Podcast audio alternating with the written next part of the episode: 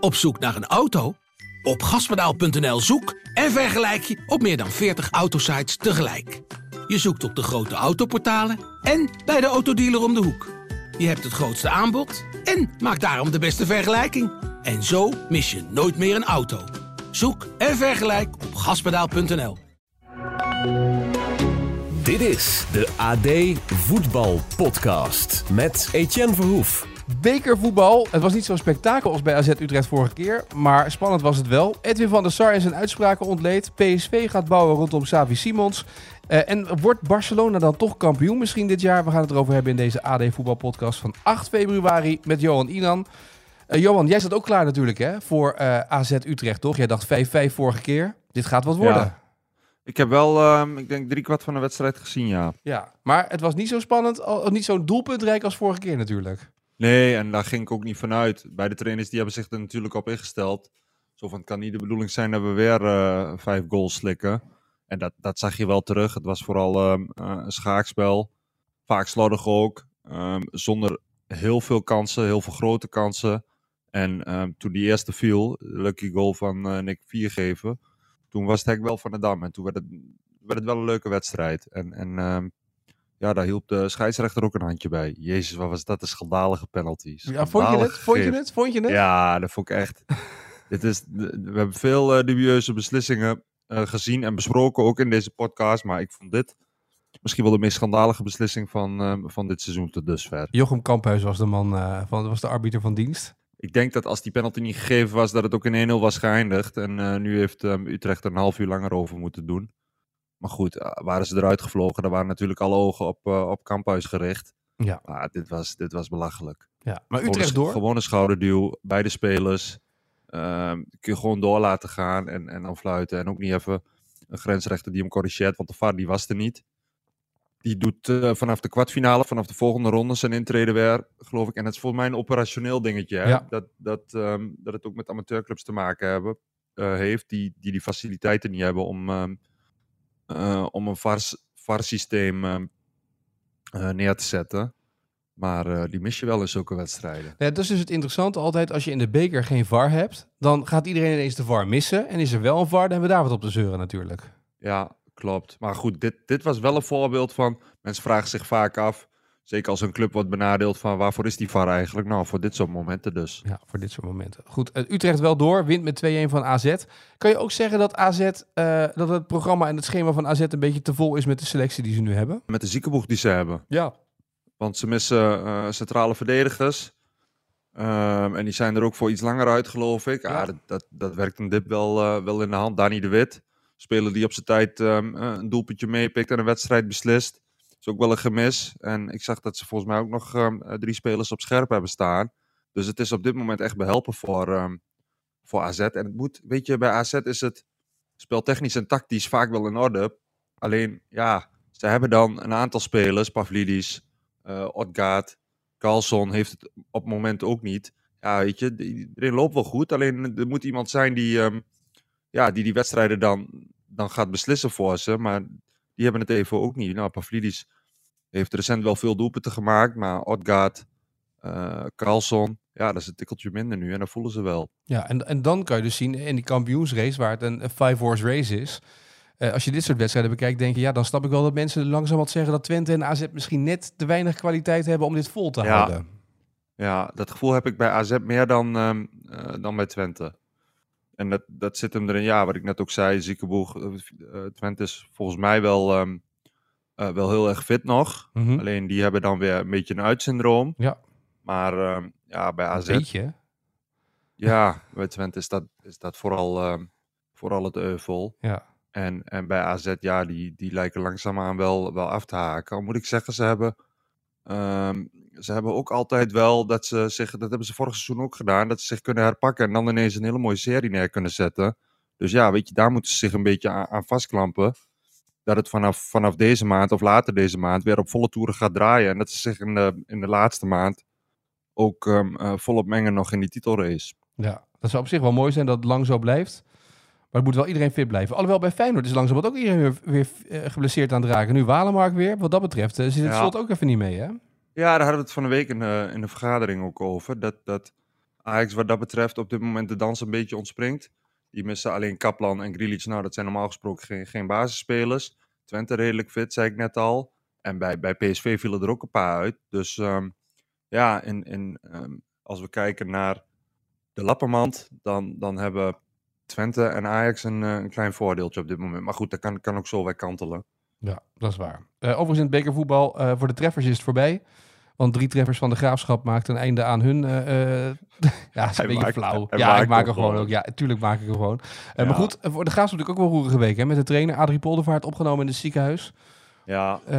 dan is dat in ieder geval een, een opsteker, zo'n resultaat, hè? Ja, zeker. En um, oh, die hebben in, um, in de KKD ook flink wat klappen gecasseerd. Ja. Uh, daar, wil, um, ja, daar wilde maar niet echt lijn in komen. En, en ook niet de serie van overwinningen waardoor ze in ieder geval een playoff plek uh, veilig uh, kunnen stellen. Daarvoor moeten ze, ja, er moet nog voor alles gebeuren. En dan, ja, Paul de Vaart, die ook al, dat zag je ook wel, hè, het is ook een emotionele trainer. Konden we bij Excelsior al zien. En ja. zelfs als assistent van, van FC Groningen. Ja, dat is een man die er alles aan doet. Die, um, die met zijn werk naar bed gaat en, en opstaat. Heeft ook al een paar keer het publiek toegesproken. Of moeten toespreken. En um, ja, dan is het ergens ook niet gek als, het, als je de ene naar de andere klap uh, incasseert. Dat je op een gegeven moment ook ja, uh, overwerkt raakt. En een beetje overspannen thuis zit. Ja, laten we hopen dat het snel beter met hem gaat. overigens, denk je dat Pierre van Hooydonk gejuicht zal hebben? Klein binnenpretje dan. Mag ik. best, ja. Uh, ik wil even met jou naar Ajax. Uh, dat komt natuurlijk in actie tegen Twente donderdagavond. Maar um, Edwin van der Sar zat bij Rondo. Daar is al genoeg over geschreven en gezegd. Ook door Van der Sar dat, het zwaar jaar was geweest. Uh, maar toch, terugluisterend bij wat hij allemaal zei... Er sprong er één quote uit voor mij dat ik dacht... Hé, wat zegt hij nou? Ik ga hem even laten horen. Nou, in november hebben we, een, hebben we een analyse gemaakt met elkaar. een aantal aspecten. Ze wilden ook veranderen. We wilden naar een iets kleinere selectie toe. een assistent die, er, die erbij zou moeten komen. En hebben hem het vertrouwen gegeven om na het uh, WK inderdaad... Om, om, te kijken of hij het elftal weer, weer op de rails kon krijgen. Dit ging over Alfred Schreuder en waarom Schreuder ja. niet tijdens de winterstop eruit is gegooid bij Ajax... maar waarom ze hem nog een kans hebben gegeven. Mm -hmm. En hij zegt erin, kleinere selectie 1. Maar 2 zegt hij, we, wil, we hebben in november besproken dat er een assistent bij komt. En volgens mij toen Schreuder werd ontslagen, was er nog steeds geen assistent bij. Ja, waar ben je scherp, En Zo had ik het nog niet eens, niet eens beluisterd. En dat, dat moet je ook anders zien hij heeft die opsomming met, met uh, inkrimpen van de selectie, assistenttrainer. Dat zal ongetwijfeld ter sprake zijn gekomen. Uh, uh, het aanstellen of het toevoegen van een nieuwe assistent aan de staf. Maar um, dat is pas, daar zijn ze pas concreet mee aan de slag gegaan. Toen, um, ja, onder meer na, naar aanleiding van, van onze publicatie over um, het beraad wat de spelersgroep met mental coach Joost Leenles had gehad. Daar kwam, daar vond een soort stemming plaats. Daar kwam Schreuder en een paar assistenten kwamen daar ook niet goed uit. Toen heeft Schreuder gezegd van, ze hebben elke maandag en vaak ook op de vrijdag, daar zitten ze met het technisch hart bijeen. En toen heeft um, Schreuder erop aangedrongen van, ja, weet je, we moeten morgen weer bij elkaar zitten en dan willen we, wil ik dit ook even in bespreken. En toen hebben ze concreet gezegd van, het plan om een assistent trainer aan, aan te stellen, dat gaan we nu echt ook uitvoeren. Uh, en toen hebben ze echt een handvol ervaren trainers ook, ook benaderd. Uh, goed, daar hebben we ook over geschreven. René Meulensteen zat daarbij, Jaap Stam zat daarbij. Later kwam ook uh, John van Schip. Kwam nog voorbij. Dat lukte maar niet. Ruud Brood. Um, en, en het plan was dan om eigenlijk, um, ja, volgens mij René Meulensteen, die uiteindelijk niet kon, omdat hij al zijn toezegging had gedaan bij de Australische Bond. Die wilden ze uh, samen met John Heitinga eigenlijk na de wedstrijd tegen Volendam aan de selectie toevoegen. En dan zou in ieder geval Matthias Kaltenbach, de Duitse assistent die, die Schreuder nog kende uit Hoffenheim en die die bij zijn aanstelling in de zomer meenam, die zou in ieder geval sneuvelen. Maar goed, dat, dat plan veranderde helemaal doordat Ajax niet won voor Volendam. Ja. En, en Schreuder op straat werd gezet. En, en toen heeft, uh, is er opnieuw overleg geweest. Um, daar is uitgekomen dat, dat John Heitinga het voorlopig moest doen. En uh, John Heitinga heeft er uiteindelijk in, in de overleggen met, met de directie, zo van waar kunnen we nog winst behalen, heeft hij zelf ook aangegeven ja, de behoefte te hebben aan een, een ervaren trainer, een soort um, klankbord die, uh, want dat vind ik wel knap van Heitinga, hij weet dat die, die jonkies, die kent hij heel goed. Hij is zeven jaar jeugdtrainer geweest bij Ajax. En, en jongens als Timber, Taylor, nu kwamen daar Jury de Geer, Hato, dat soort jongens daar heeft hij allemaal al mee gewerkt, die kent hij. Maar omgaan met verdetters is nieuw voor een trainer die binnen bij Ajax op eigen benen komt te staan. En die valkuil wilde hij ook een beetje tackelen. En daarvoor kwam hij ook met de naam uh, Dwight Lodewegers op de proppen, die bij Oranje weer met een aantal jongens, ervaren jongens van Ajax had gewerkt. En, en die hebben ze toen benaderd. Daar heeft uh, Heitinga zelf mee gesproken. En um, ja, daar zijn ze mee uitgekomen. Die was, die was alleen net commissaris geworden bij, um, ja, uh, bij Herenveen. Zijn ze niet zo blij mee dat hij dus, daar weg is? Nee, dat was wel vervelend. En volgens mij was zijn um, verblijf als hoofdtrainer daar uh, ook niet van lange duur. Maar um, ja, daar zijn ze wel mee uitgekomen. Die hadden we horen na. Ja. En, um, en maar toch even terug dus naar dit punt, hè? Je kan natuurlijk ja. in november met elkaar gaan zitten om tafel en zeggen: het gaat niet goed. Daar bespreek ja. je dus met elkaar. We gaan een assistent erbij zetten, of we gaan een assistent vervangen. Dat zet je dus niet door als directie zijnde, als van de SARS zijnde. En uiteindelijk, een week voor Volendam zeg je: we gaan een assistent bijzetten. Niemand wil. En vervolgens gooi je de trainer eruit. Ja. Dan geeft hij zichzelf een onvoldoende. Maar ja, of, die, dat... of, die, of uit die, die analyse na de eerste seizoen zelf, dat is na die week met um, PSV thuis verloren, uh, Vitesse thuis gelijk, Emmen uitgelijk, is er, uh, is er een evaluatie geweest. En daar zijn een aantal dingen uitgerold. Daar kwam ook onder meer uit dat, dat ze uh, ja, uh, nog, nog even moesten bekijken hoe dat met Daily Blind verder moest. Maar het neigde er wel naar dat het beter was dat voor Schreuder in ieder geval, um, als de club afscheid van hem zou nemen, dat is daarna, tijdens en na het WK ook gaan rollen. En um, uh, volgens mij is daar de assistent ook te sprake geweest. Maar hebben ze daar in eerste instantie um, uh, nog niet echt werk van gemaakt. Maar is dat wel gaan rollen toen bleek dat um, uh, in die vertrouwelijke sessie met, met de mental coach. Ja. Toen bleek dat er heel veel onvrede was ook over de rest van de staf. Um, en toen heeft Ajax daar vaart achter gezet. Ja, maar dan, dan laat je wel zien dat je achter de feiten aanloopt in plaats van ze voor bent, ja. toch? Als ja, leidinggevende. Zeker. zeker. Ja, wat betreft die uitzending. Ik vond Van der Sar, was, je merkte wel, hij was, hij was goed voorbereid. Is natuurlijk ook, ook geïnstrueerd door, um, door de perschef.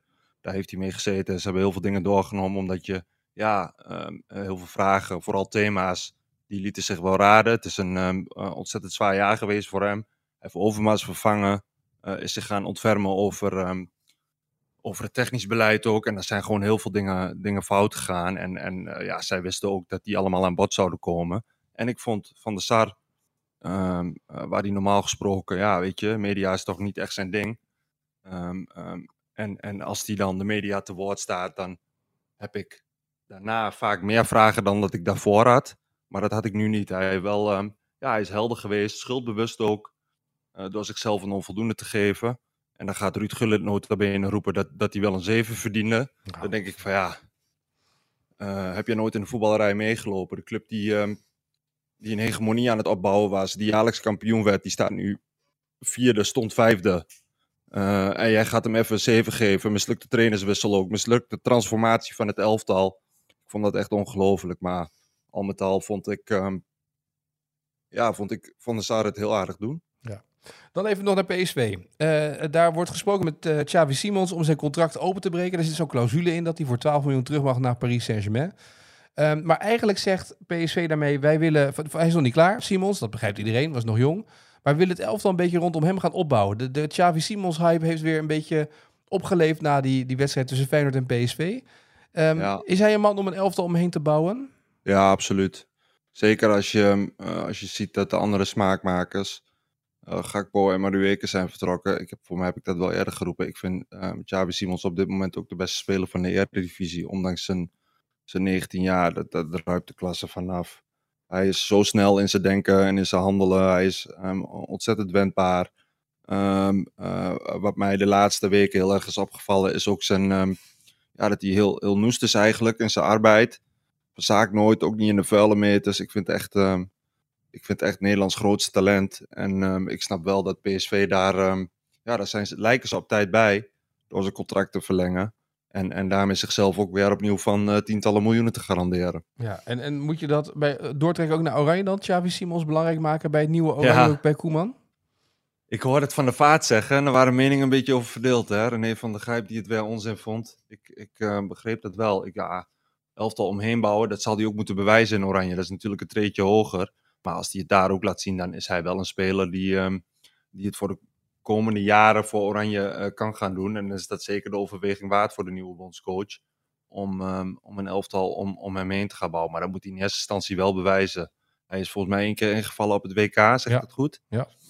Ja, dus het is te vroeg om, om nu te stellen. We hebben hem amper in Oranje aan het werk gezien. Ook niet tegen de grote tegenstanders. Nou ja, we spelen straks tegen Frankrijk.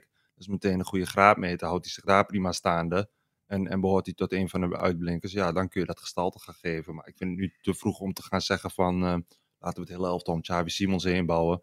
Als die, eh, als die nota bene nog maar één capje achter zijn naam heeft. Ja, maar bij PSV zijn ze dat wel van plan. Toen vroeg ik me wel af, waar gaan ze hem dan neerzetten? Want volgens mij weten ze zelf nog niet waar ze hem neer moeten zetten. Dan staat hij rechts buiten, dan staat hij op 10, dan staat hij links buiten. Op 10 lijkt me toch. Ja, maar daar heb je natuurlijk ook nog wel genoeg eh, jongens op het middenveld lopen. Dan Ja, wel... zeker. Zeker, maar wie is er beter dan eh, Simons op dit moment? Nee, niet denk ik. Maar je hebt ook Veerman nodig. Ja, Je hebt wat ik defensief zou, eh, nodig. Ik zou Simon sowieso dan op, op 10. Als je, een, eh, als je een elftal om je beste speler heen wil bouwen, dan lijkt het me handig als je je beste speler ook op zijn beste positie neerzet. En dat is voor Xavi Simons is dat ehm, de nummer 10 positie. Al, ja, weet je, hij is ook wel allround. Ja, En, en is ook niet echt de jongen van de steekbal. Die kan hij wel geven. Dat was laatst een, volgens mij een thuiswedstrijd van PSV waarbij ik hem twee, drie hele mooie lepe balletjes zag geven. Maar dat is niet zijn kenmerk. Het is Nee. niet, ehm, wat dat betreft is het geen type snijder of zo. Dus hij zou ook, ja, bij Donny van der Beek ontstond die discussie op een gegeven moment ook een beetje. Is het een 10, is het een 8? Ja, voor mij zou die op 8 ook prima uit, uit de voeten kunnen. Omdat het, ja, hij heeft ook wel in zich om bijvoorbeeld een box-to-box speler te zijn. Uh, Overigens eh, moet hij misschien één ding afleren dan bij elke overtreding met het verongelijkte gezicht naar de scheidsrechter gaan Ja, staan. Want op een gegeven moment krijg je daar geen vrije trap meer door, hè? Ja, nou, los van eh, of hij er een vrije trap voor krijgt of niet. Zijn mimiek, dat is, wel, Ja, is ook wel een onderzoek waard. Ik vind het fantastisch. De mimiek van, van Xavi Simons, daar kunnen we gewoon volgens mij drie pagina's aan wijden in de ja, krant. want wij hebben, daar allemaal, wij hebben daar allemaal het gevoel dat hij bijna moet huilen of zo. Maar volgens mij lijkt dat zo. En, en eh, kan het niet zo zijn dat de speler bij elke overtreding tegen... of als die een keer benadeeld wordt, bijna aan het huilen is. Dat lijkt me niet. Dat, dat heeft denk ik gewoon met zijn grimas of met zijn eh, gezicht te maken. Nee, maar we kunnen toch gewoon vijf foto's bij hem voorleggen. Dat kan Maarten Wijfels toch doen? Vijf foto's Ja. voorleggen en dan even met hem de vijf foto's Nou doen. ja, dat is goed. Dan, eh, Maarten, eh, het is Maarten sowieso geraden om deze podcast te luisteren, want ik heb straks een hele mooie vraag voor hem. Maar ehm, eh, dan heeft hij er meteen een klusje bij voor ons. Even met Xavi Simons om tafel en vragen waar die grimassen vandaan komen. Ja, hij wel de mooiste grimassen. Maar is het nou zo, Ja. er worden veel overtredingen op hem gemaakt. Hè? En je ziet dat vaker bij voetballers die wat kleiner zijn, Ja. die krijgen vaak de overtreding tegen. Ik kan me herinneren dat bij Afvalai werd altijd gezegd, ja, die moet zichzelf beter bewapenen, zei Hiddink altijd. Die, die wapent Ja. zichzelf niet. Doet Simons dat ook nog te weinig, zichzelf wapenen tegen de overtreding die hij tegen zich krijgt? Ja, dat vind ik lastig beoordelen. Je hebt wel heel veel spelers. Quinten Timber heeft dat ook een beetje bij, ehm, eh, bij Feyenoord. Die hebben de neiging om, om bij elke aanname, de een die kan dan heel goed zichzelf lanceren of accelereren. En, en daarmee ook de overtreding vermijden. Maar je hebt ook spelers, en, en eh, Quinten Timber heeft dat een beetje, om meteen zijn, zijn achterwerk erin te zetten, zeg maar, en die overtreding uit te lokken. Bij Simons heb ik dat niet echt. Dus Nee. ik vraag me dan af hoe die zich beter zou, zou kunnen wapenen tegen, ehm, eh, tegen overtredingen. Ja, weet ik ook niet. Nou goed, dan mag Lastig. Maarten dan ook gelijk uitzoeken. Als Mag Maarten ook doen, ja. Met de grimas. Eh, jij bent eh, een eh, liefhebber van het spel van Barcelona. Zit je een beetje te genieten? Want ze staan acht punten los van Madrid, hè, ondertussen. Ehm, nee, Nee, hè? nee eerlijk, eerlijk gezegd niet. Want het is. ehm, het gaat, gebeurt niet op de Barça-way, zeg maar. Met, met, tegen Sevilla wel, de laatste wedstrijd. Daar moet ik meteen bij zeggen, want dat was de beste wedstrijd in maanden. Maar als je die, die wedstrijden daarvoor ziet, dan zie je bij Flitsen, ja, maar mag het ook met, met zo'n middenveld en zoveel keuzes in, in de aanval. En ehm, honderden miljoenen die ze, ondanks de financiële malaise, eh, gespendeerd hebben. Dan mag je ook af en toe wel wat leuks laten zien. Maar om nou te zeggen dat Barcelona structureel eh, onder Xavi weer het spel speelt. Waar ze eh, bijvoorbeeld onder Guardiola naam en faam mee verwierven. Nee, dat, dat heb ik niet. De, de kracht van dit Barça zit hem vooralsnog vooral in, in de verdediging. En ik denk dat zij, ehm, ja, mag ook wel een keer eh, benoemd worden. Ik denk dat Barcelona de beste keeper van de wereld op dit moment heeft. Dat helpt ze wel? Marc-André ter Stegen. Ja, die heeft elke wedstrijd wel één of twee ehm, eh, reddingen waarvan je zegt van, nou, weet je, die, pak, die pakt niet elke keeper.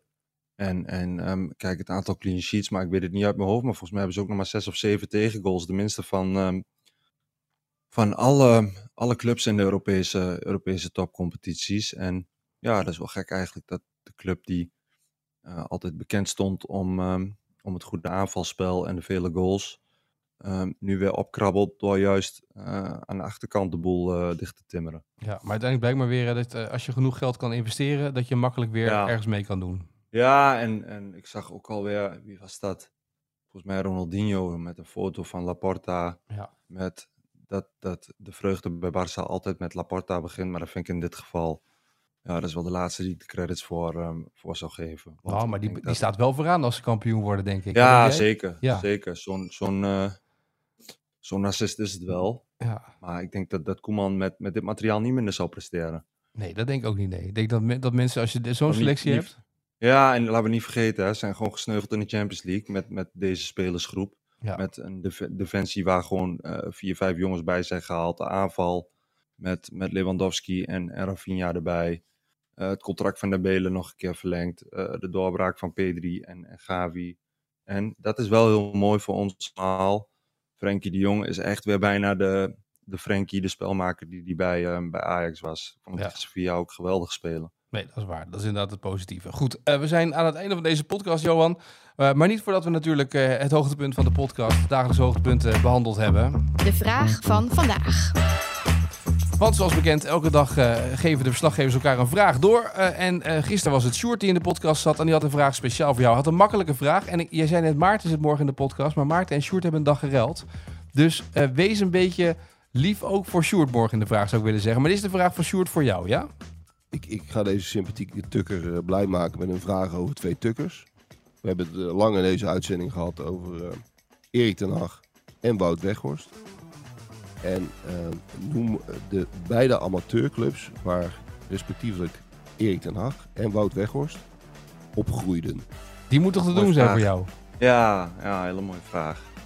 Blij dat, dat Nikos deze vraag niet stelt. En dan, en dan vraag waar eh Malasia en eh, noem eens iemand groot zijn geworden. Nou, Nee, waar zijn ze groot geworden? Erik ten Hag. Erik ten Hag bij Bomboys Ja. Haaksbergen. En Wout Weghorst bij Neo in Bonne. Nou, En Wout Weghorst heeft ook ja?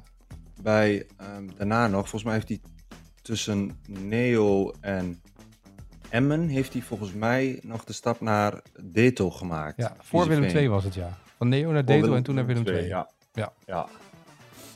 Nou, mooi. Eh, dan is het aan jou om dus de vraag van morgen voor Sjoerd te doen. Dus ik zou zeggen, eh, maak er een mooie vraag van. Oké, ik dacht eerlijk gezegd dat, dat ehm, want ik had even in het roostertje gekeken. Ja, ik klopt. eerlijk gezegd dat, dat Maarten er morgen weer zou zitten. Maar ja, maar de, kan ook. ziekte zorgt ervoor dat, eh, dat we moeten wisselen vandaar. Oké, nou, ik twijfel er niet aan dat, dat Sjoerd dit, dit ook kan. Het is donderdag, morgen.